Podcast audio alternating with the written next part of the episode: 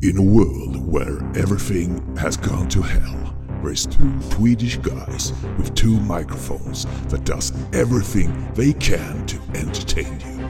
They have decided not to give up on you listeners. They will continue their jobs to sort out the good from the bad in the world of movies. No one can stop them to put out their shows in the air. Now, sit back and enjoy when a brand new episode of TT Film Podcast come to you. Rated R. Då välkomnar vi er till TT Filmpodcast. Där vi som sitter och pratar är som två rådjur som möter lyktorna på lastbilen som kommer mot oss. Och detsamma kommer vi känna när vi pratar om de här tre 3,2 filmerna som vi ska prata om idag. Eller vad säger du min kära li lilla Bambi på andra sidan? Vadå 3,2? Hur menar du nu? Ja, vi ska väl prata kort kort om en film som vi egentligen har en anknytning till en specialavsnitt som vi körde tidigare. Ja, du tänkte så. Jag tror du hade kort kort på dig. Med min eh, traditionsenliga kilt. Ja.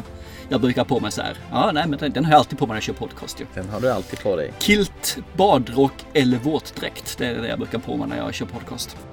Vi hade ju specialavsnitt för några avsnitt sedan där vi pratade om det helt eminenta komiker-duon tänkte jag säga, men gruppen Monty Python. Ja, Och så höll vi på och diskuterade om en film där, om det egentligen var Monty Python eller inte. Och vi var jätte, jätte, jätte osäkra. Och det var ju filmen Time Bandits. ja, ingen av du eller jag hade sett den. Nej, inte ens det. Och det var ju det som kändes lite pinsamt också i, i saken här. Men nu har vi faktiskt sett den ju. The classic is back, so prepare yourself for a different kind of movie. A movie that takes you on a journey through time. Ask me. Travel aboard the SS Titanic. Shake hands with Napoleon.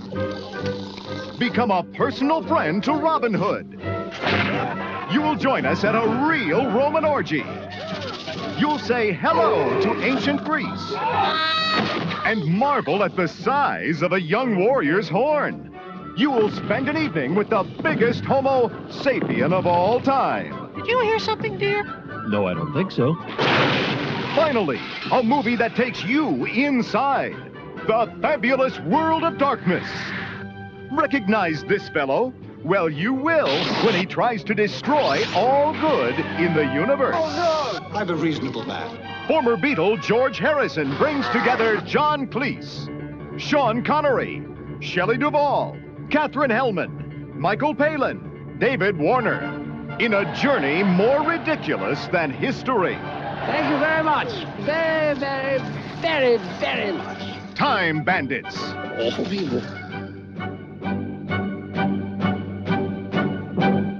Min fråga till dig, hur kommer det sig att du aldrig såg den? Jag menar, omslaget är ju ett sjörövarskepp och sen står det Ja. Time Bandits och den är ju väldigt såhär Monty Python-esk jordplanschen så. Varför såg du den aldrig för? Jag vet banne mig inte. Jag, jag, jag sitter här och skäms lite Ja, grann. det ska du fan med göra. Och jag med. För jag hade inte heller sett den. Nej, och vi får ju tacka det, vad heter personen som lyckades och se till att det Ja. var möjligt. För den var ju inte lätt att få tag på. Vi tackar så hemskt mycket till Ulf för, för att du kom förbi och la den här i min brevlåda så att vi hade någonting att prata om i podden. Ja, exakt. Någonting att prata om.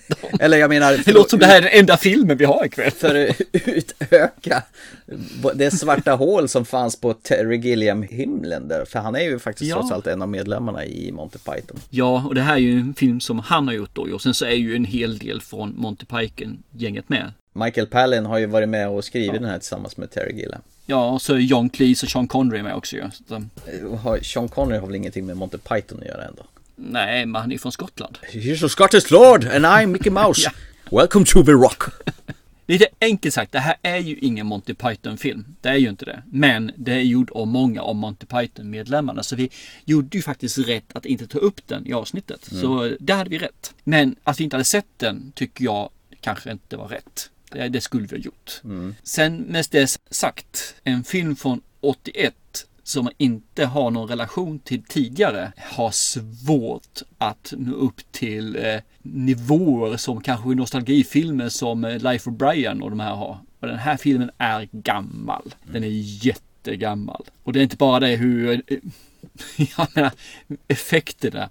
skådespeleriet, kostymerna är helt makabert. Det är hemska i den här filmen. Han ondskan själv, vad har han på huvudet där? Det är en krabba han har på huvudet eller vad är det? Ja, jag vet fan inte vad det är. Krabban Sebastian i, vad heter det, den lilla sjöjungfrun, live-versionen kanske. Ungefär så, den har precis på tv, på pjäsen liksom där, Ja. teatern. Just det, men sen har han ju Nej, någon underhuggare som har något jäkla horn i pannan också. Ja, jo just det ja, det stämmer ju. Här- Och en jävla, någon dräkt, plastdräkt eller något på sig också. Premissen är ju någonstans att det är någon ung kille som eh, upptäcker att i hans eh, sovrum så är det ju genom garderoben så dyker det upp massa folk från andra tider. Och så hänger han med ett gäng kortväxta som eh, är tjuvar egentligen. Som hittar massa tidssår som kan hoppa fram och tillbaka genom tiden. Precis, de är rövar från Napoleon, de eh, träffar Robin Hood, de är lite överallt i tiden egentligen. Tills de kommer fram till att vi ska ha det ultimata saken som, vi, som finns där ute och letar rätt på den liksom. Just det, och Robin Hood är ju den rätta Robin Hood det här. Det är en riktigt praktarsel som bara skäl för sin egen räkning. Nej,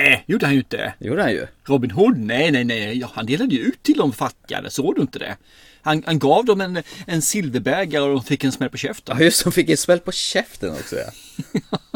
Men de fick silverbägaren. Så att, eh, Ja, Shelley Duvall är med. Det är hon som är frun Torrance i The Shining. Och hon blir fastbunden tillsammans med sin fege man vid ett träd. ja, just det, just det, just det. Hon har ett väldigt säreget utseende, Shelley Duvall. Ja, det har hon. Men hon ser bra ut. Hon har eh, snyggt på ett udda sätt. Hon, hon är sådär uh, skevt snygg som man... Lite grann som eh, Tilda Swinton. Ja. Och sen hade du Ian Holm med också. Du vet, han som är... Han som är Napoleon. Ja, just det. Han är ju eh, Hobbit i någon av de här uh, Sagan om ringen-filmerna. Ja, det är han. Ja, just det. Han är ju Bilbo Han för är- fasen. Ja, och Robot i Alien-filmen. Han som börjar dregla ärtsoppa i munnen. Eller filmjölk. Ja, finns det vet du, ta- talanger i den här filmen. Nej men det är ju en hel del som man känner igen här. Så jag tror det är säkert något sånt där som de har tyckt var kul. Ett projekt som de satte ihop med kompisar mer eller mindre. Så hade de skoj. Ja, det verkar ju som de gillar sådana här tidseror som de gillar att ut undersöka. Det är, Ja, här är och ju, jag, jag för mig att han, eh, Terry Gilliam, tycker ju om medeltiden. Han har väl gjort även någon sån här typ, eh, inte dokumentär men historieprogram på tv. Han har gjort också under en period. Så han tycker verkligen om historia. Va, vad tyckte du om den här filmen då? Bara snabbt och enkelt. In, när du ser den eh, första gången 2020, eh, 40 år efter den är gjord. Eh, vi säger så här då, jag såg den nog 40 år för sent skulle jag tro. För att den har ju daterats ganska hårt den här filmen. Det är ju charmigt att se de här skådisarna och få se bland annat Sean Connery som den här med jättetopé slåss mot ett, en jättegubbe i ett tjurhuvud. Kossahuvud. Eller vad- Precis. Eller vad det nu är. Ja, det, jag tror det är tjurhuvud. Ja, och det, är kul, och det är kul att se John Cleese som någon Robin Hood med jättegrön lång hatt. Han såg nästan ut som den där Robin Hood i den här tecknade varianten i Karl-Bertil Jonssons nästan. Ah, just det, just det, stämmer, stämmer. Ja. Och Ian Holm som Napoleon som tycker det är jättekul att se folk som är på teatern som är mindre än han själv. Alla ska vara mindre. Ja. Tills alla stora människor är korta. Och det ro- roligaste var ju dockorna som slåss på den här dockteatern då. Ja, för de var ju jätte, jättekorta. Ja. Nej men den här filmen den finns ju lite grann eh, så här som jag tycker är lite småkul faktiskt. Men man har sett det för sent. Och Det, det är kul att ha sett den. Eh, Den här kommer ju inte bita sig fast och jag kommer aldrig någonsin se om den. Och eh, jag såg den tillsammans med min store son för jag sa ja men det här är ju Monty Python-gänget och den ska vara lite Monty Python-esk liksom. Och han så jag på den. Och han tittade på hela filmen gjorde han faktiskt. Även han sa ju att ah, det här ligger inte i nivå med de andra filmerna. Alltså det gör inte det. Det man känner att det här är ju en det är en barnfilm. Redan, redan 81 när den gjordes var ju det här en barnfilm. Det liksom är en fantasy eh, matinéfilm. Och tar man en som sådan så blir den ju lite trevligare och kanske man skulle se den med en eh, sin son eller dotter som då är 7 11 år gamla. Där skulle det kanske funka tror jag. Hade de visat den här när jag var liten på, du vet- sån här jullovsmatiné som gick då Mm. på, istället för den här satans vidriga sagovärld, så hade de väl kunnat visa den här Time Bandits istället varje gång. Ja. Det hade varit mycket bättre. Ja, och då hade det här varit en nostalgi- nostalgifilm som man hade tyckt är jättebra tror jag. Eller hur? För då hade man kommit ihåg känslan som man hade när man då var den här 11-åringen som såg fram emot den här söndagen. Den här filmen skulle visas klockan 14.30. Ja, när man var så utsvulten som att satt till och med och kollade på en, en jävla ballettfilm med ekorrar och möss som dansar. Ja, eller så fram till Linus på linjen så bara en streckgubbe. Ja, just det. Det var ju, Eller anslagstavlan när det kom den. ja, det var ju tecknat ju. ja, precis. Man tyckte till och med vignetten på boktipset var bra. När det var en stillbild på en regnbåge och man nina, nina, nina.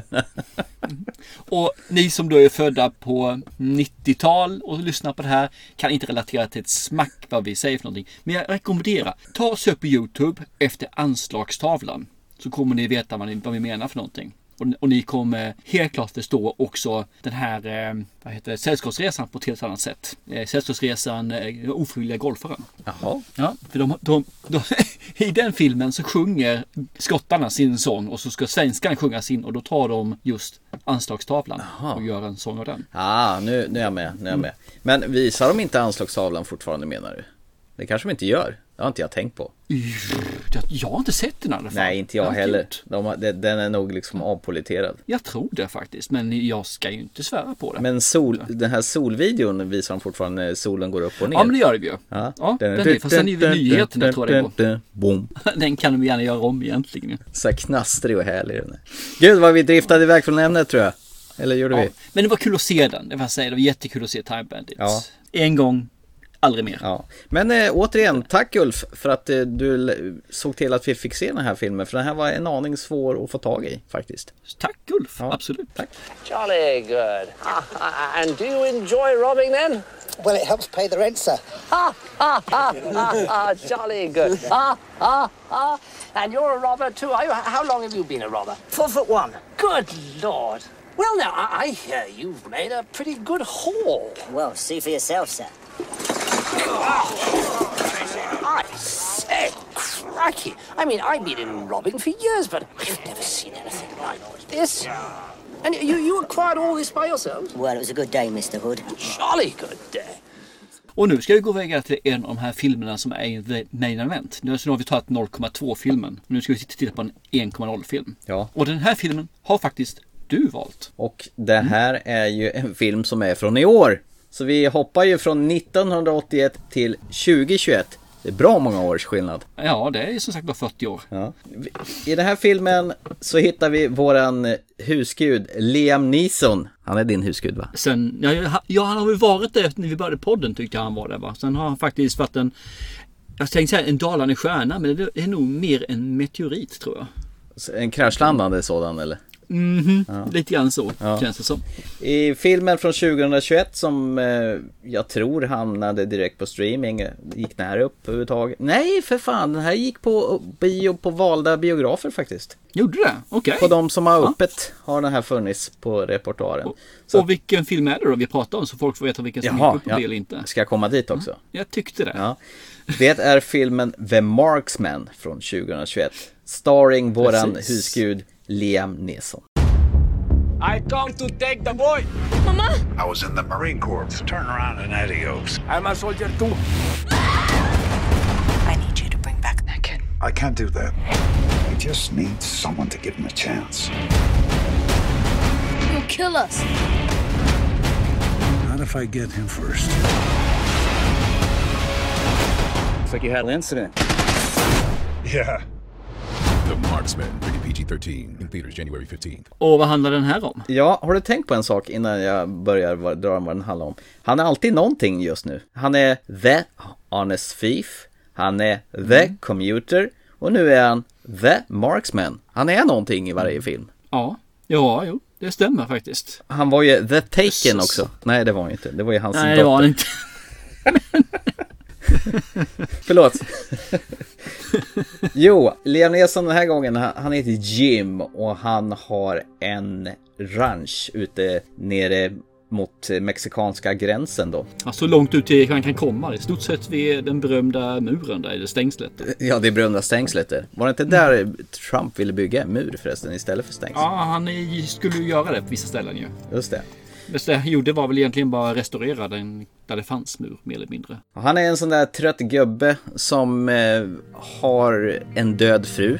Det var väl ovanligt. Eh, och en dotter som jobbar inom den här gränspolisen då som tar hand och bevakar eh, den här gränsen så det inte hoppar över massa illegala eh, immigranter. Och han tipsar sin dotter lite då och då när han ser när det kommer traskande immigranter då och då. Och Han har en löjlig halmhatt på sig också, vilket jag undrar om det är han själv som har valt den. Liam Neeson sa, jag vill ha en fånig halmhatt på, på mig så jag ser extra gammal ut. Eller vad tror du? Eh, jag tror definitivt det är hans hatt som han har. Han vägrar ta av sig den. Och jag tyck, tror nog att regissören då, eh, Robert, sa liksom Nej, losa den här hatten. Du ser skitgammal ut. Nej, jag har fått den från mitt barnbarns barnbarn och den ska jag ha.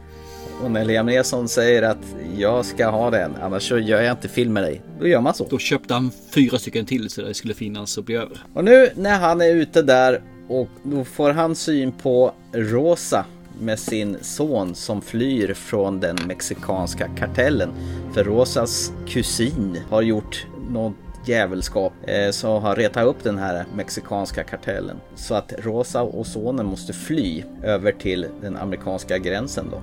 Kartellen skickar ju sina värsta hantlangare för att leta upp och döda eh, Rosa och sonen då. Det går ju inte så bra för Rosa och kvar blir ju sonen Miguel som Jim får ta med sig dit. Och det blir lite sån här snacksalig duell på varsin sida av, av det här stängslet när de här kartellmedlemmarna säger Skicka över sonen! Nej, tänker inte jag göra. Vad fan, är du mopsig eller? Och så tar han med, med sig sonen för att, på en liten roadtrip för att överlämna honom till släkten borta i Chicago. Och eh, naturligtvis så tar sig den här kartellgänget över och jagar Jim och eh, Miguel genom halva USA. Det blir en, som en slags roadtrip där. Ja, men lite grann en roadtrip är det tycker jag också. Det, det är en road movie det här faktiskt. Det, det roliga är att när, när den här kommer nu och man såg liksom, jaha, The Marksman, vad fan är det filmen? Jag har missat. Jag brukar, ändå ha lite koll på Liam Neeson-filmerna. Så jag hade inte talat om den här. Jag tänkte, vad fasen är det här? Men då är det ju originaltiteln som jag då hade koll på egentligen, är ju The Minuteman. Ja, de har döpt om den här ja. Ja, precis. Marksman kanske var bättre än Minuteman kan jag tänka mig. Minuteman, jag tänkte på Minute Maid, den här juicen som han dricker. Okej. Så han skulle heta Minute Man. Det är alltså, istället för apelsinjuice så är det typ, vad heter det, tomatjuice, Bloody Mary eller något. Ja, ja, det var mer än vad jag visste. Absolut. Vad ska man säga, du sa just att det här är ju en, eh, en road movie och det, jag får lite eh, vad heter, vibbar från den här, eh, fasen vad heter den? Road to produ- produ- Production eller produ- Perdition. med, eh, Perdition ja. Med Tom Hanks eller? Ja, är det Tom Hanks är med den? Det kanske det är ja. Ja, det är ju någon sån här maffiafilm där Tom Hanks är jagad av någon. Ja men det är nog den ja. Det är nog den. Det tror jag. Och Det är lite grann samma sak där. Det, det, för det, det är ju ganska lugn film. Man kan inte säga att det här är en action på något vis överhuvudtaget. Nej. Egentligen. Den går som action-thriller om man tittar på IMDB. Men jag tycker ju att action är den lilla delen. Det här är mer en... Nu kommer jag ju säga något. Men det är en thriller. Ja, kanske. Det, det kan man säga. Men lika mycket thriller är den som den är drama. Det är en light thriller och det är en light drama om vi säger så. För problemet är att den har inte djupet vara en riktig dramafilm. Liam Nilsson tror inte klickar ner engagemang att göra en riktig dramafilm heller. För han, han håller sig till sin casha in eh, rollfigur och manusvarianter på filmer. Så att det, det, den är ganska tunn filmen om man tittar på den. Men den är ganska tunn så den är som sagt var. Så den är tunn som en actionfilm. Men det känns som att den vill lite mer. Att den vill bygga lite till på den men inte riktigt lyckas med det. Sen har den sina stunder tycker jag filmen. Man känner faktiskt att han, den lilla grabben och Liam Nilsson faktiskt synkar lite grann. Det tycker jag är lite småkul. Sen så tycker jag ju att det blir lite mycket stereotyp. Bad guys är bad guys i det här fallet. Och de ser ut som bad guys också. Och beter sig som bad guys till serietidningsnivå mer eller mindre ibland. Ja, de ska ju ha såna här, vad är det, guldpläterade tänder. Ja, och pistoler och det ska vara liksom, de är tatuerade och de ser grymma ut. De har fula tänder och det ska vara äh, allting sånt där. Och det, det förtar lite grann. Den här filmen skulle vara gjord, ja, egentligen samma veva som Time Bandits.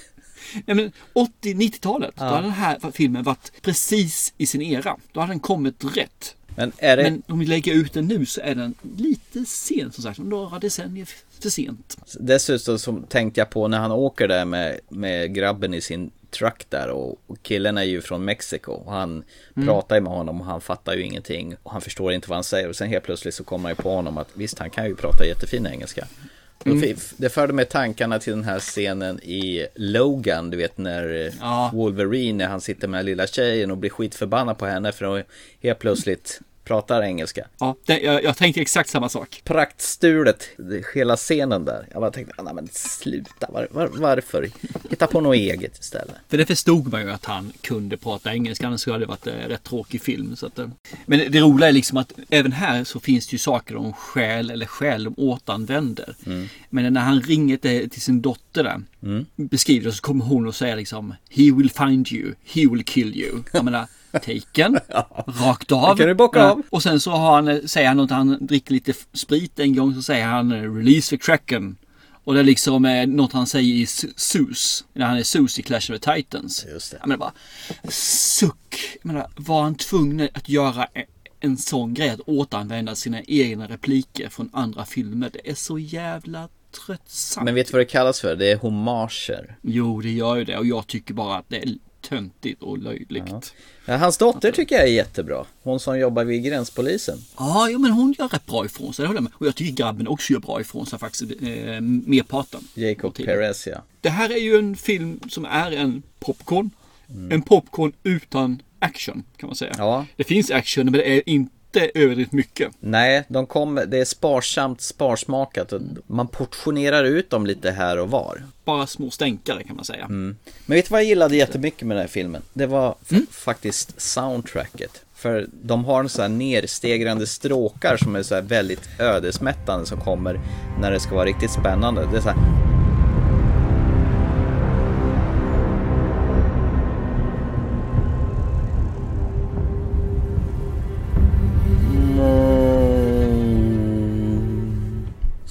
Okej.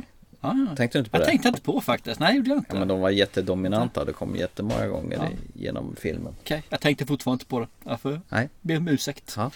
Nej, nej, okej. Du, hunden förresten som man har, den som heter... eh, ah, vad hette hunden nu igen? Den, Det kommer jag inte ihåg. den här svartvita... eh, bo- Säkert bo- Max. Nej, den hette någonting som alla, alltid hundar heter i sådana här filmer. Eh, Fido. Nej, ah, skitsamma. Det var en sån här vitsvart hund. Eh, Var det inte sån där som, Ja. som ni har? Eller haft? Nej. Nej, de var, era hundar har varit svarta. Eh, Nej, det, det var, ing, var ingen border collie där. Nej. Nej, det tror jag inte i alla fall. Jag, tänkte, jag kommer faktiskt inte ihåg så jag känner. Var det en chihuahua? Det är lite pinsamt. Ja, det kan det vara. Vi säger chihuahua, vilket det inte är, men vi säger det. Är att det, varför ska alla ha hundar med sig nu helt plötsligt? Jag, menar, jag har tittat på John Wick 3. Mm. Varför jag gjorde det vet jag inte, men jag var tvungen att se den. Jag såg den nog sist av alla också för den delen. Han, har, han har också bara en jävla massa hundar. Och, va- varför ska alla ha hund helt plötsligt? Är det någonting eh, coronapandemiaktigt? Eller? Ja men det är så, jag tror folk köper, det är ju brist på hundar nu. Folk köper ju hundar som Ja, aldrig ja. förr. De- Det, Jajamän. det har ju blivit någon sån här säll, sällskaps cravings nu när man måste Mm. isolera sig. Då går man ut och går med hunden istället. Och problemet är att eh, de vet inte hur man hanterar en hund så nu börjar de komma tillbaka. Eller så har de problem med att få, få till dem. Man har inte tid med dem när man väl börjar jobba. En sak som jag tänker med Liam Neesons filmer, han verkar ju vilja göra en grej att han börjar bli äldre och han ska ju vara lite mer analog än alla andra. Han ska inte hänga Mm. med med, han säger så här, varför har du inte en telefon som alla andra? "Ja, Det finns ingen som behöver ringa till mig och jag behöver inte ringa till någon. Men hallå, han har ju en dotter ju. Ja. Ja, men han har ju en walkie-talkie där istället. ja, och när han ska ut och åka då går han in på en mack och köper en Atlas och hon i butiken eller på macken har ingen aning om knappt vad det är för någonting. Nej, precis. Och den är ju så pass gammal så den var inte prisad så han fick den gratis. Jag håller med, det, det är ju en sån här grej som man, man gör spä av sin egen generation. Mm. Men jag tycker ändå det är rätt skönt att han nu som är 69 år gammal Mm. faktiskt gör filmer där han är 69 år gammal. Mm. Istället för att försöka göra sig själv 40 eller digitalt animera om sig så han ska vara 23. Mm. Jo, han har ju förlikat sig med att han har blivit äldre, det är så. Och det, det tycker jag ändå är rätt skönt att han, eh, han har ingen åldersnoja på det viset. Nej. Och grejen är med Liam Neeson-filmen numera, man vet ju ungefär vad du får serverat. Är Varken mer Ja, eller mindre. det Det är. Liam Neeson som går in och spelar Liam Neeson i någon tuff actiongubbe som naturligtvis har varit någon form av marinsoldat i sitt tidigare liv. Han har alltid haft någonting sådär så att han ska kunna ha vissa certain point of skills. Ja, och numera så är det väldigt viktigt att ha en död fru i bagaget också. Jo men annars måste man skriva in henne på något vis ju. Då Ja. ska hon dö och det vill ju nej nej. Och lite alkoholproblem också. Kanske. Kasta in det med. Jag tror nog att de här som tycker om Liam Nilssons filmer, Mm. de senaste, eh, spelar ingen roll vilka du tar av dem egentligen. Ja, men om du tar som du säger The Commuter, vi kan ta Honest Thief. Honest Thief också för den delen. Mm. Och titta på de här liksom. Ja men shoot, då tycker man säkert den här är helt okej också. Mm, Eller Nonstop, den här flygfilmen. när Han är någon slags flygplansdetektiv eller vad det nu är. Nej men det, det, det är ungefär samma sak alltihopa. Mm. Det är billiga filmer. Eh, de, är, de ser ganska billiga ut. Det är lite action, man får kommentarer, man får ungefär samma stuk. Man, som du sa, man är rätt så säker på vad man får för någonting. Så där finns det. Jag själv säger ju det att den här meteoriten som man hade eh, har ju helt plö- plötsligt kraschlandat och gjort en stor fet krater hos mig. Liksom. Så jag är jättetrött på Liam Nilsson och hans filmer just nu. Det här är någonting jag led mig igenom och kände bara att fy fasen. Alltså det, det är så tråkigt. 1.48 där man ska sitta liksom och se samma film igen. Ändå man bytt ut det mer eller mindre namnet på honom. Annars är storyn same same. Jag kände att nej, då kan jag se om Taken 1 istället. Den är, det är en bra film fortfarande. Det är en riktigt bra film. Eller Schindler's List för Ja. all del. Den kan du Ja, se om. absolut. Ja, det vet jag inte Jag när tror det ju-. Någon ska vi göra det. Jag tror ju det är så här att Liam Neeson gör numera film för att få mat på bordet. Att han går in, cashar in, tar sin Ja. check och så går vidare till nästa projekt. Det är jag övertygad om också. Eh, Ja, det är väl inget fel med det kanske. Det är väl... Nej, som jag sa, finns en publik för den här filmen också. Men det är inte min kopp med te. Jag eh, håller väl lite med dig. Det är ju, vi säger så här. Jag tycker inte det är dåligt. Det fanns vissa saker som, som jag uppskattade, till exempel soundtracket. Och de har försökt i alla fall bygga någon relation mellan honom och den här Miguel. Och likadant han och sin dotter där. Och Jackson hette förresten hunden. Nu kommer jag på det. Ja, just det. Jackson Ja, det stämmer. var typiskt hundnamn i amerikanska neråt. Det är ju inte jättebäst heller. Det här är ju slätstruken mellanmjölk som bara, du tittar, du ser den. Det är en variant på alla dessa Liam Neeson-filmer. Och du har glömt den när eftertexterna rullar. Rekommendera eller inte rekommendera om vi ska ta och föra in den i ag- agendan tänkte jag. Är du en eh, Liam Neeson-fan så kommer du väl säkert titta på den här. För jag tror ändå hans namn drar publik ändå. Annars så skulle, den inte, skulle inte han spotta ur sig dessa filmer. Men det är klart, han håller ju på att hamna i det här samma fack, eh, facket som Nicolas Cage och Bruce Willis. Eh, direkt i videohyllan. Eller de här, för all del, Steven Seagal när han börjar gå på dekis. Ja, jag kan faktiskt bara säga dit och här, jag håller med fullständigt. Ni som tycker om Liam Nilsson kommer att se den här filmen. Ni som inte har sett eller inte tycker om honom om man säger så innan, jag menar, se inte det här heller för det här är, det är inte värt i sådana fall, det är det inte. Men det är som sagt var, popcornfilmer behöver inte tänka, de är sköna att se ibland de också.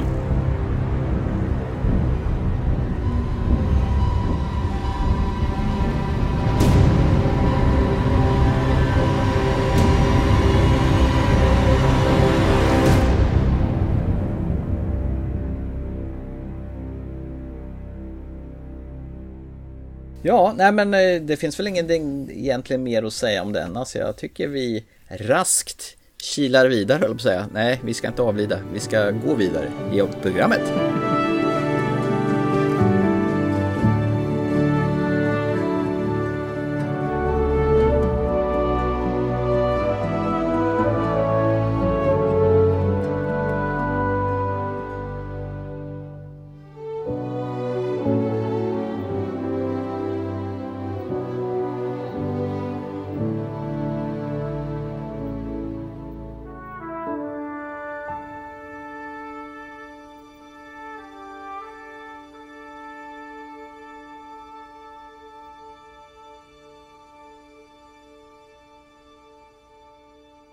Yes, det tycker jag.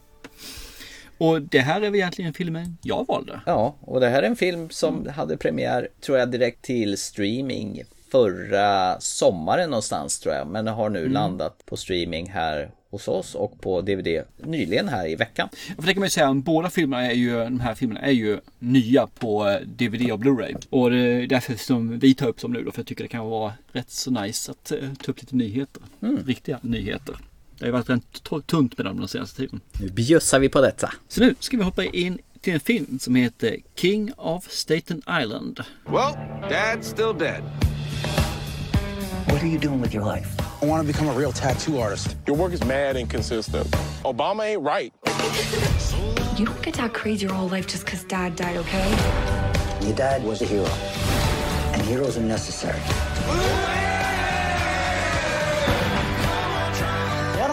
Clean this anyway? When you're trying to show up sexy to a fire? I like him. The King of Staten Island, rated R. Trailer out now. Det här är spännande. Det här ska bli kul att höra. Ja, okej, okej. Eh, vi kan ta en liten, liten backstory på den här filmen. Vi fick ju en lista från våra samarbetspartners att de här filmerna kom ut. Och så tittade jag igenom lite grann och som vanligt så gör jag vad då? Ja, du ser på trailers. Det gör jag ju på alla de här filmerna medan jag ser på trailern som vi får liksom. Och man får en känsla i trailern, är det här någonting som är vettigt? Är det inte det här? Och den här filmen fick jag trailern fick jag en känsla av att det här kan vara en, en mörk dramakomedi. Så man får liksom, eh, det ska finnas svart humor, det ska finnas lite känsla bakom den också samtidigt. Så eh, det ska vara lite grann sådär. Det, det var den bilden jag fick av, eh, av trailern. Så tänkte jag, men då ska vi se den här. Så här får vi i alla fall möta Scott som är då en 24-årig kille som har väl, han har väl ingen riktning i livet om vi säger så. Han eh, bor hemma hos morsan fortfarande. Han eh, håller på att tatuera sina kompisar för att han eh, vill bli tatuerad. De släpper väl motvilligt till att ta och låta, hans, låta deras hud bli full med bläck. Eh, de röker på. De gör ingenting. De sitter i en källare liksom och bara degar. Samtidigt får vi veta då att eh, Scott och eh, är då, ja, hans pappa gick bort för, ja, hur många år sedan vet man inte riktigt, men det är väl rätt så många år sedan. Och så att han, om jag ska gissa nu här så är det någonstans när han var 7-9 år någonstans, alltså rätt länge sedan. Men det är fortfarande någonting han dras med, det är någonting som fortfarande finns som en demon i bakgrunden. Där. Sen får vi även möta hans mamma då ju, eh, Margie. Marissa Tomei. Uh.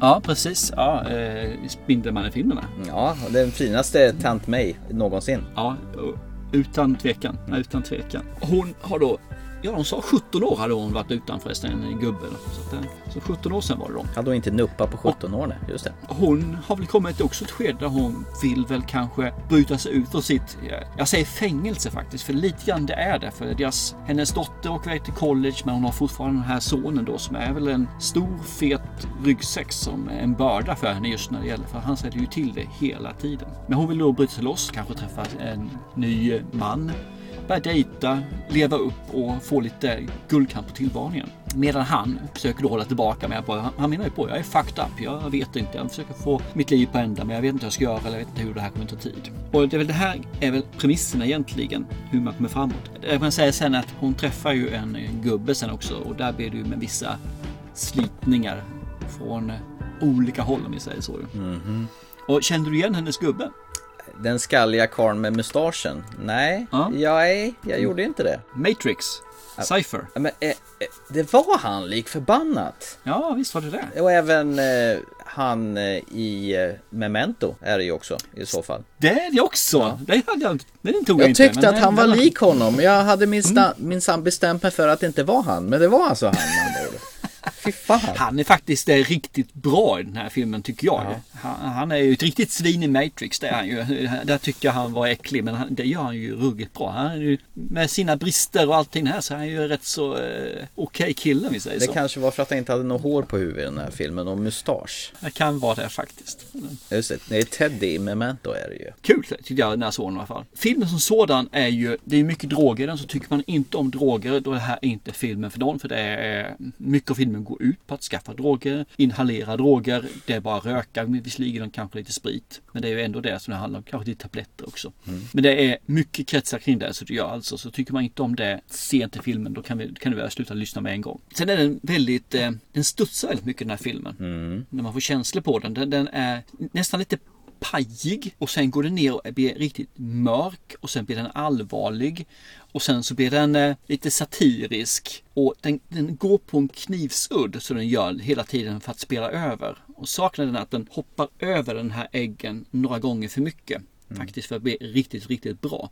Och sen trillar han tillbaka och sen hittar han den här och det blir riktigt, riktigt fina scener som jag känner bara ett yes. Så jag tror det handlar lite grann om att eh, regissören här nu eh, Judd Apatow. Han har nog inte gjort så jättemånga filmer eh, i den här delen. Jag har faktiskt inte kollat upp honom. Har du gjort det? Ja, han ligger ju bakom The 40 Year Old Virgin med Steve Carell bland Ja. annat. Och sen eh, den här På smällen Knocked Up med Seth Rogens. Eh, han, är ju, han är ju från komedifacket främst. Precis, och det, det är kanske därför det blir lite för mycket ibland. Det blir lite pajigt ibland. Det blir för pajigt. Det, han har svårt att hålla sig på mattan och både ha det här allvarliga och det komiska. Det krockar lite grann. Ja.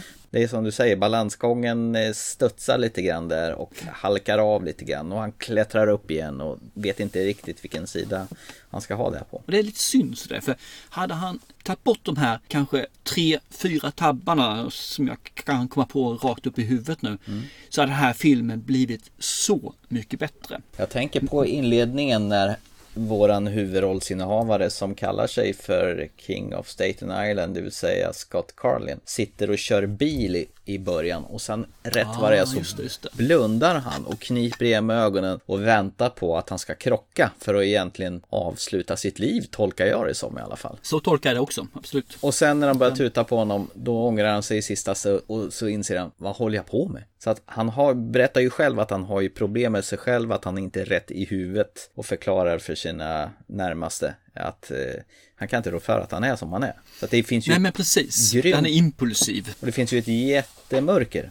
Och det är det som är saken. Alltså det, han är impulsiv, han är väldigt eh, hög, låg, vitt, brett. Samtidigt så har han en pappa då som är en brandman som då hade omkommit när han räddade, eller skulle rädda folk i den här branden. Och han är då hjälteförklarad och är liksom eh, mer eller mindre ett helgon och eh, en perfekt person om man säger så. Den eh, ultimata. Och han kan ju inte leva upp till det här heller. Och jag tror att det är det också som gör att det blir lite slitningar för honom. Att man på att han menar på att han är fucked up. Jag är, jag är dum i huvudet. Titta, jag har min morsa som har klarat sig. Jag har min syster som gör det. Och min pappa var helt fantastisk. Men jag är det här. Filmen är lite sådär semi-biografiaktig på Pete Davidson, han som spelar Scott Carlin då, med hans trauma Ah, där. okej. För att han hade nämligen en pappa som var brandman, som omkom i, du vet, 9-11. Aha, Så att de har applicerat lite grann på hans liv till den här filmen. Men det kan nog också förstå lite grann. För då finns det ju lite känslor bakom vissa delar i filmen som kanske verkligen lyser igenom ibland. Så att Ja. gör att det, man, man, man, man tror på det på ett helt annat sätt.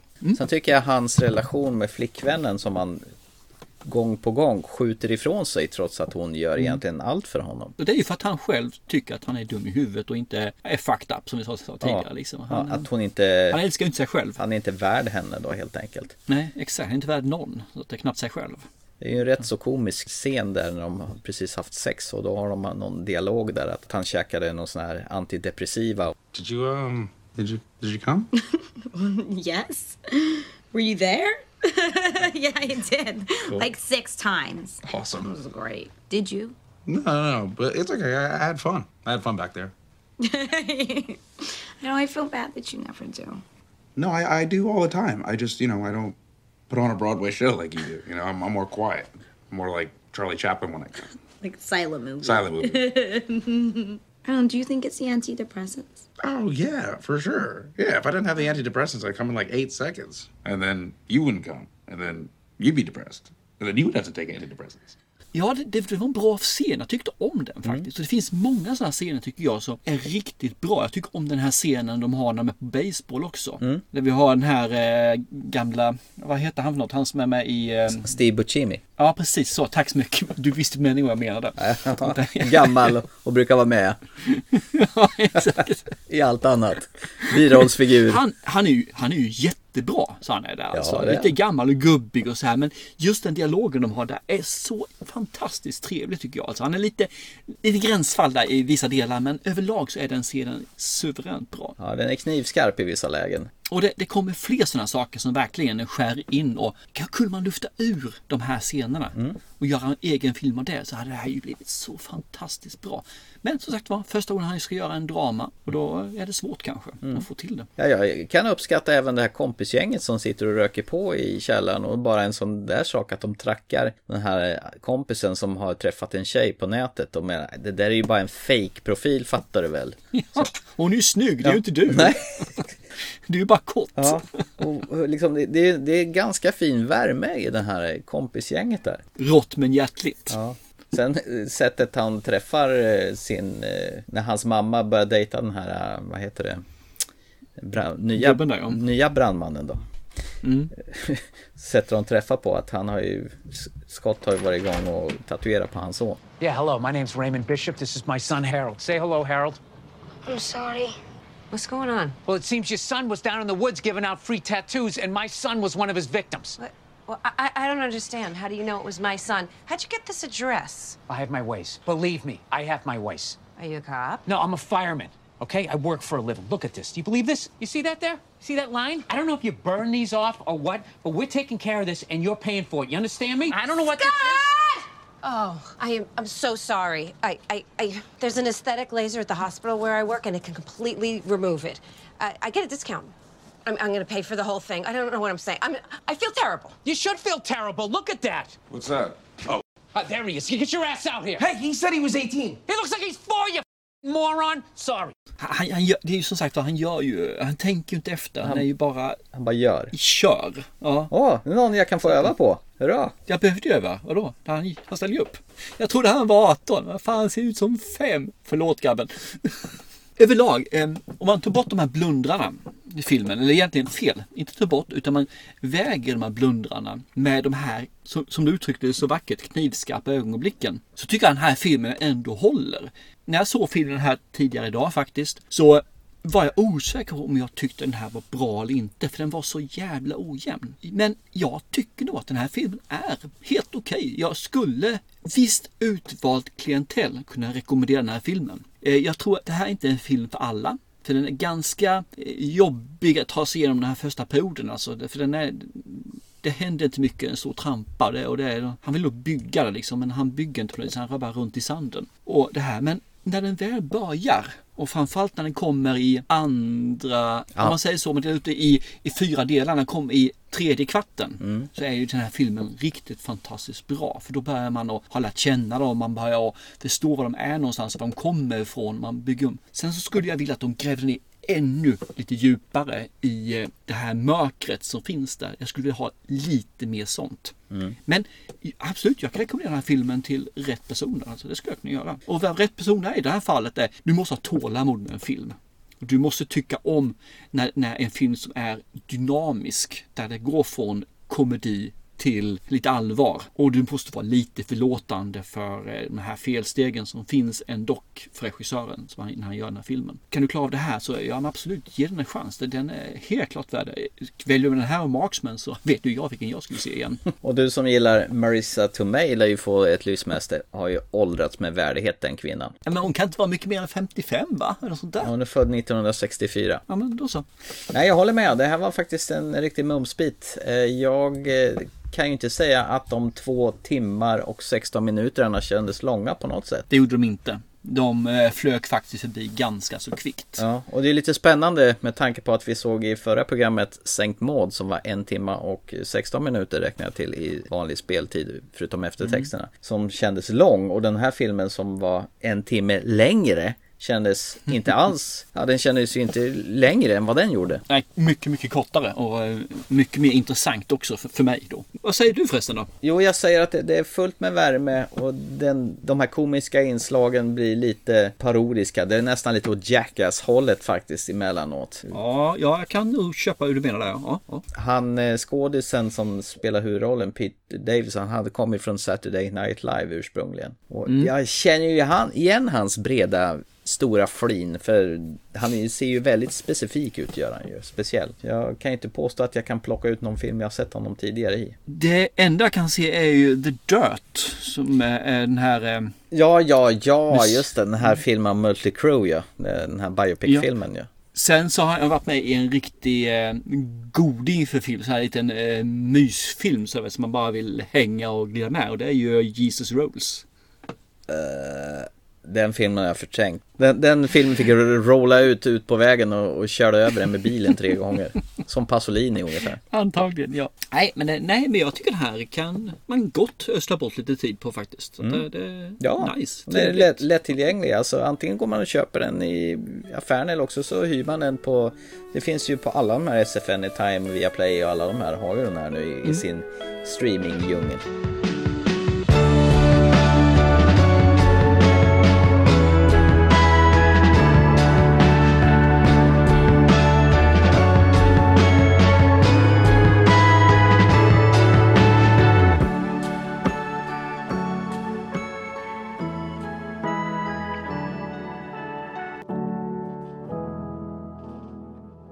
Då så, då är det ju bara en punkt kvar då i programmet.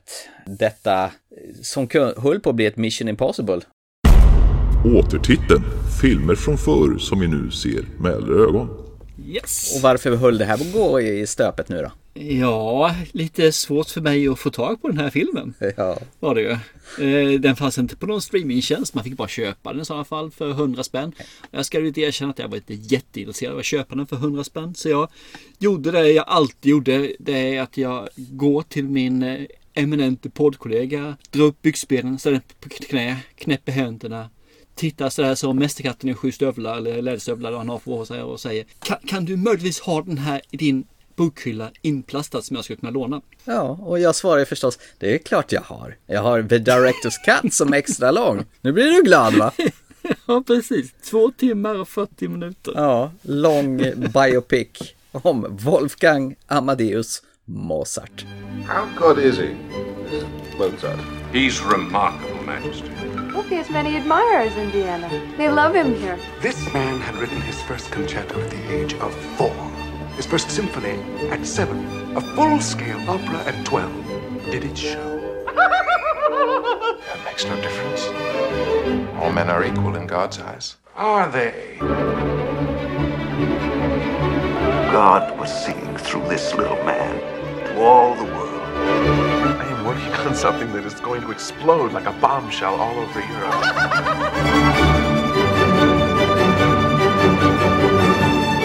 That was not Mozart, nothing. That was God. I can't rewrite what's perfect. I believe it is the best opera yet written, my friend. Your son is an unprincipled, spoiled, conceited brat. Why would God choose an obscene child to be his instrument? One day I will laugh at you. Before I leave this earth, I will laugh at you.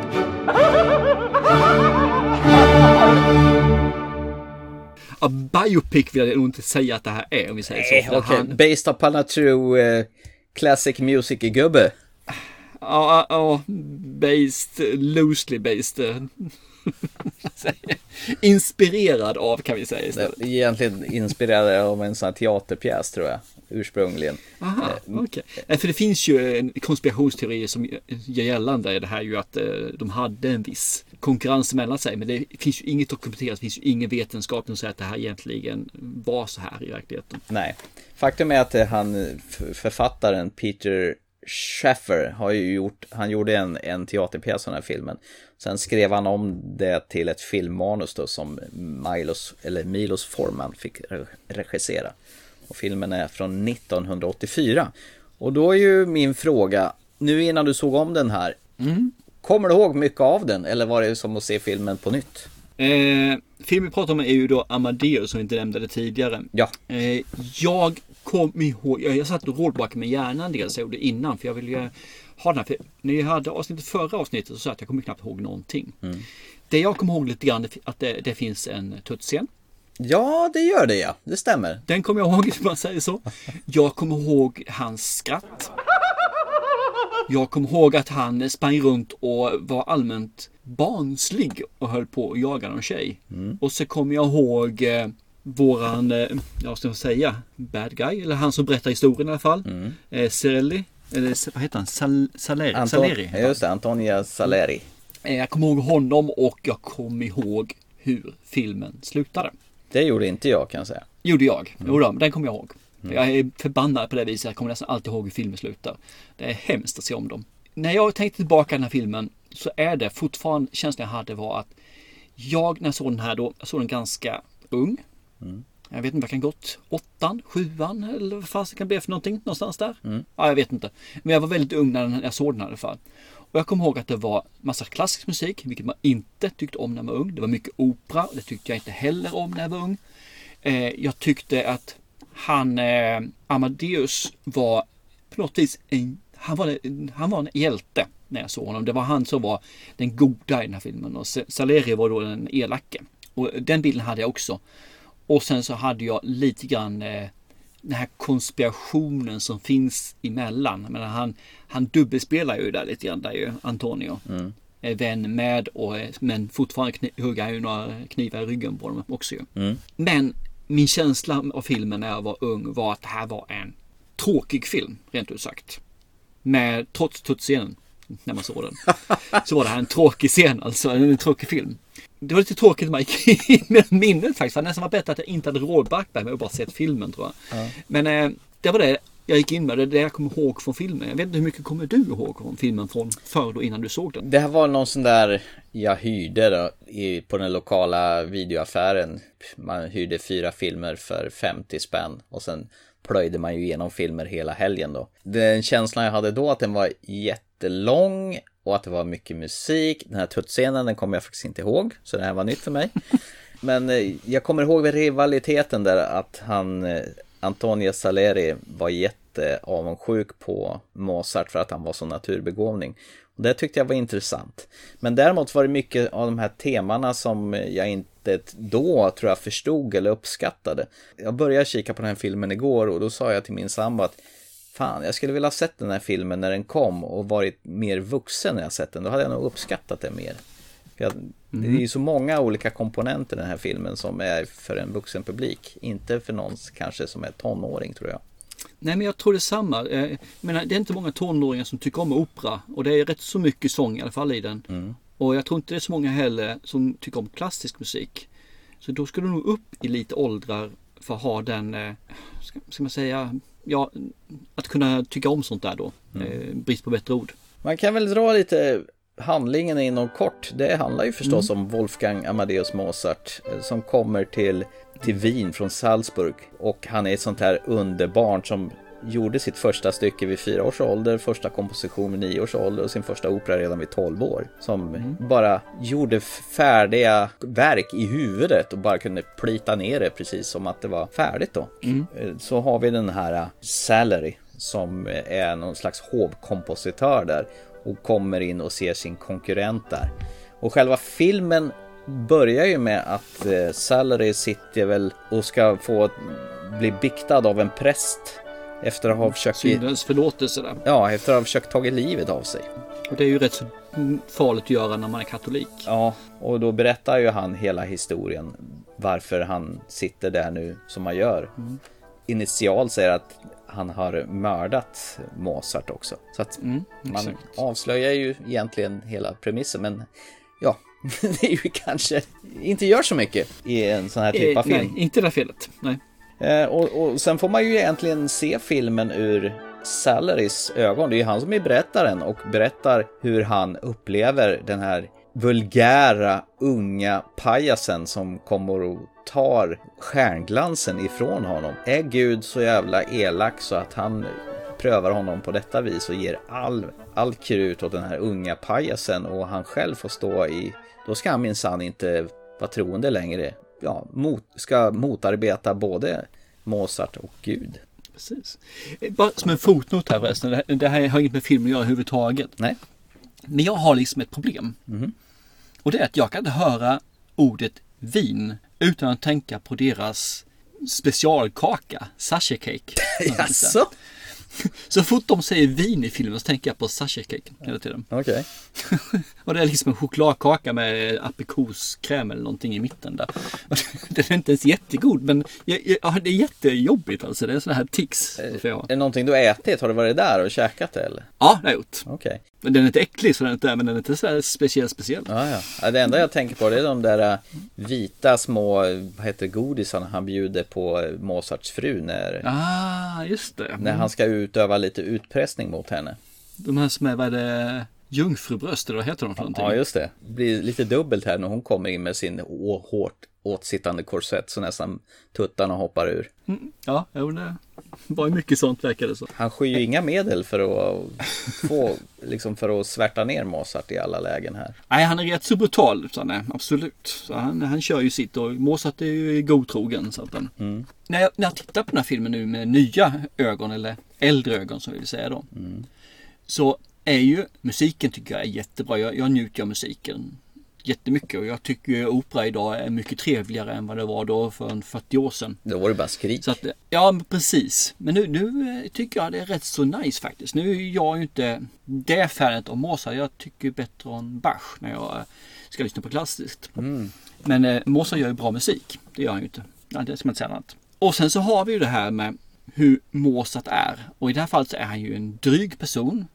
Och han verkar, han ska egentligen vara en liten rebell känns det som också. Han har rosa peruk och han har det ena och det andra liksom så här som gör att han ska ligga utanför. Han håller på och spela klaviaturen upp och ner, bak och fram och hela köret liksom för att visa sin storhet. När han kommer in till hovet och ska, när de ska göra sin Mm. entré då gör han det på ett väldigt pajigt vis. Ja, och jag känner liksom att den, det bryter så mycket från både den tidsepoken och hur, vad filmen är i övrigt.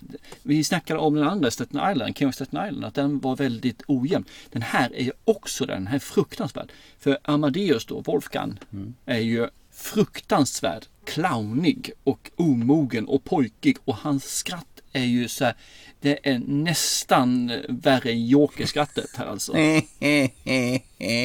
Typ det ja, exakt. Eh, och det är så synd att man inte kunde gjort Mozart på en, ett bättre sätt. Gjort han lite lugnare, gjort han lite mer eh, mänsklig tänkte jag säga i det här fallet. För då hade filmen blivit så mycket bättre. Sen hade han ju problem i verkligheten om man tittar då om man gör jämförelsen. Han hade ju ekonomiska svårigheter. Men de ekonomiska svårigheterna kom ju oftast i slutet. Han dog ju utfattig. Hade ju hur mycket skulder som helst. Han tog lån av ockrare och hela köret ju. För att få igång det. Och det gör de i den här filmen också. Återigen att det blir så ojämnt. Jag, jag känner liksom att varför gör man på det här viset? Varför gör man en film där man har möjlighet att faktiskt att göra någonting som är ordentligt och så gör man det lite kladdigt på något vis. För den går ju som biografi, drama och history. Men han blandar in en jävla massa tönthumor, det ska vara det ena och andra. Och jag, jag känner det är så synd. För hade man gjort den här lite mer till drama, kanske thriller åt det hållet. Så hade det här blivit en helt fantastisk film. Idag, nej, den håller inte för mig.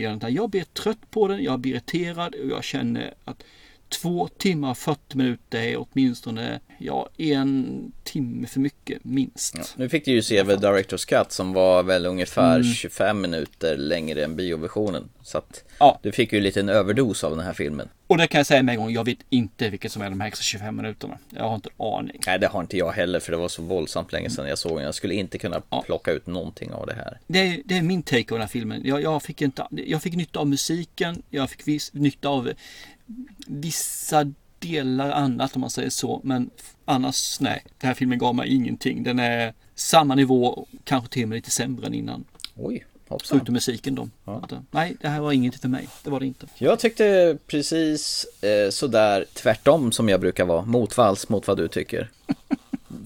För det första som du säger, musiken är ju helt fantastisk. Det här får en ju vilja börja lyssna mer och mer på klassisk musik efter jag har sett den här. Eh, jag satt och njöt i, i stora drag och det, vissa, jag kan ju gissa i den här Directors Cut att vissa av de här operascenerna som man får se på scen är längre än vad det var i bioversionen. För det känns att det är något utdraget på vissa Så kan det vara ja. ja så kan det vara. Visst ändå. Det var en bra bit i filmen då han som gammal Antonio Salieri när han sitter och pratar med prästen när han sitter och återberättar saker. Någonstans efter halva filmen då försvinner det lite grann. Så att det bara är i dåtiden och inte förrän på slutet så återkommer han igen. Så Mm. det, det hade jag velat haft lite mer av gamla Salieri för att trots allt att den här filmen är så gammal så är make-upen på honom riktigt bra tycker jag för ovanlighetens skull. Ja, men det kan jag hålla med om. Ja. Det gör jag. Och han ser ju äcklig ut med sina gula tänder och, och han är ju så dubbel. Han hatar ju verkligen Mozart över allt annat men han älskar ju det han gör. Han är ju helt betuttad i hans verk. Man ser ju verkligen när han går igenom hans noter. Han är ju på väg och egentligen känns som att man ska sno hans verk där vid något tillfälle. On the page, it looked nothing. Just a pulse. Bassoons, basset horns. And then, suddenly, an oboe. A single note hanging there, unwavering. Until a clarinet took it over. Sweetened it into a phrase of such delight.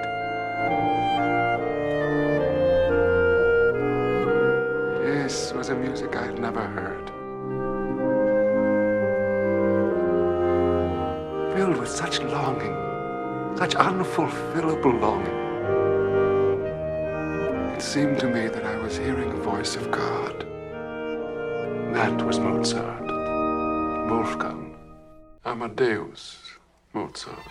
Ja, det är nästan lite erotiskt spelat på något vis. För han har ju sagt upp all eh, kötslig samvaro med kvinnor. Så han har ju satsat allting på musiken egentligen till Guds ära då. Exakt. Och han känner sig som den här ständiga tvåan och han får ju pisk av den här så att han hatar ju honom samtidigt som han älskar hans verk så det är ju så tudelat så det finns inte. Och just den här genuina hatet och han kör ju fulspel, rävspel gång på gång och Mozart är så jäkla blågd och godtrogen. Och han är ju ingen riktig, han kan ju inte marknadsföra sig själv för fem öre. Det är bara det att han är ju, egentligen har ju storhetsvansinne och tycker allting han gör är perfekt. Man vet ju inte vad han ska göra med det hela. Fast det, fast det är en sak som jag hakar upp mig på i den här, den här gången jag ser den. Och det är att han sätter upp sin första opera. Och den trashar ju då Salieri. Mm. Så den går inte vidare. Sen sätter han upp en opera till. Den trashar Salieri också så den går bara upp fem gånger. Mm. Sen trashar han nästa opera som också den går upp då kanske bara i två veckor. Mm. Jag menar om han gjort tre stycken operor. Alla tre har blivit helt jävla makalöst trashade och katastrofer. Varför är han fortfarande så stor och känd? Efter tre katastrofer, tre kalkoner. Då är man väl rätt så, de är inget underbarn längre utan då är man ju misslyckat som jag ser det. Och så å andra sidan är det här en film. Jo, jo men alltså, du, du förstår vad jag menar liksom. Det blir lite fel så det blir. Att en person som är den bästa och största och alltihopa men han lyckas inte med någonting. Då är han ju inte störst. Det, det är det som jag tycker är ett av problemen med filmen just att de inte får till helheten. Det, det blir knas. Jeffrey Jones tyckte jag var rätt trevlig att se som Emperor Joseph II. Han som var eh, den som ska lyssna på hans verk. Som aldrig det. Mm. egentligen har ens har kommit dit på, på en sån här eh, rehearsal. Eller när, när de övar. Och sen blir ju han så glad, eh, Salieri, för att han gäspar en gång. För det betyder att då får man ju inte ha så många antal visningar eller pjäser. Ja, den, den dör ju med för alla, alla tittar ju på kungen. Alla tittar ju på vad han gör för något. Tycker han om den då blir det suveränt. Tittar han inte om den, ja, då, då går man inte på den för då är den ju skit. Ja. Och det gör man till en kung som egentligen är mer eller mindre tondöv. Ja, nej men jag tyckte det här var jättetrevligt faktiskt. Jag satt och mös genom hela filmen och det störde mig inte att filmen var två timmar och 40 minuter. Tyckte den var en, en gemytlig återbesök från början till slut. Som det här var mycket mer väl värt för mig den här gången jag såg den. För jag kunde ta till och med de här vuxna temana som fanns. Förstå det mer än vad jag gjorde då helt enkelt. Älskar den här avundsjukan som Salero har. Jag tycker fan, han är ju den som var bäst i den här filmen. F. Murray Abraham som spelar Antonio Salary. Han ser så här lidelsefull och samtidigt riktigt så här avundsjuk och härlig. Så att, ja, han är ju grym, klockren skådis i den här filmen. Alla är ju bra skådisar i den här filmen. Det är ju skådespelarinsatserna är ju riktigt bra. Nej, men det, jag, jag håller med. Han, han gör det riktigt bra. Alltså. Det, skulle det är Amadeus som drar ner det så fruktansvärt mycket faktiskt. För det, han är för flamsig och tramsig. Man kan ju säga så här, man säger så. Det här är ju en av, är det fyra stycken filmer i historien som har vunnit en, eh, en Oscar. Men ändå inte blivit placerad av de fem bästa filmerna. Om man säger så, eh, på, när, när den kom ut. Så att det här var ju, en, var ju ingen guldkall när det gäller ekonomiskt. Den här filmen när den gick ut på bio på sin tid. Då. Nej, det var ju inget stort bolag som överhuvudtaget hade producerat den heller. Jag tror det var Orion Pictures som distribuerade, men de var var inte med och sköt in pengar. Så att det var ju inget sånt här jättefilmbolag som var inne och pynta Nej. in för den här filmen. Fast den fick en Oscar i alla fall. Det fick den ju. Jag tror han fick fler. Det var nog inte bara en. Ja, det kanske den fick. Ja, det kanske, ja, jag hade bara koll på en ska jag erkänna. Ja, så att, jag, jag tror det är en hel hög faktiskt den här filmen fick. Ja. Tror till och med att det kan ha varit åtta. Oj, okej, då ser man. Mm. Det missade jag totalt. Huh. Och ändå som sagt var så gick den upp på femte plats. Ja, det är ju spännande. Ja, ja. Eh, Ja, ja, man kan inte lyckas varje gång. Nästa gång är det din tur att välja återtitt. Men vad ska man säga? Ty- Tycker du att folk ska se om den här eller se den överhuvudtaget? Hmm.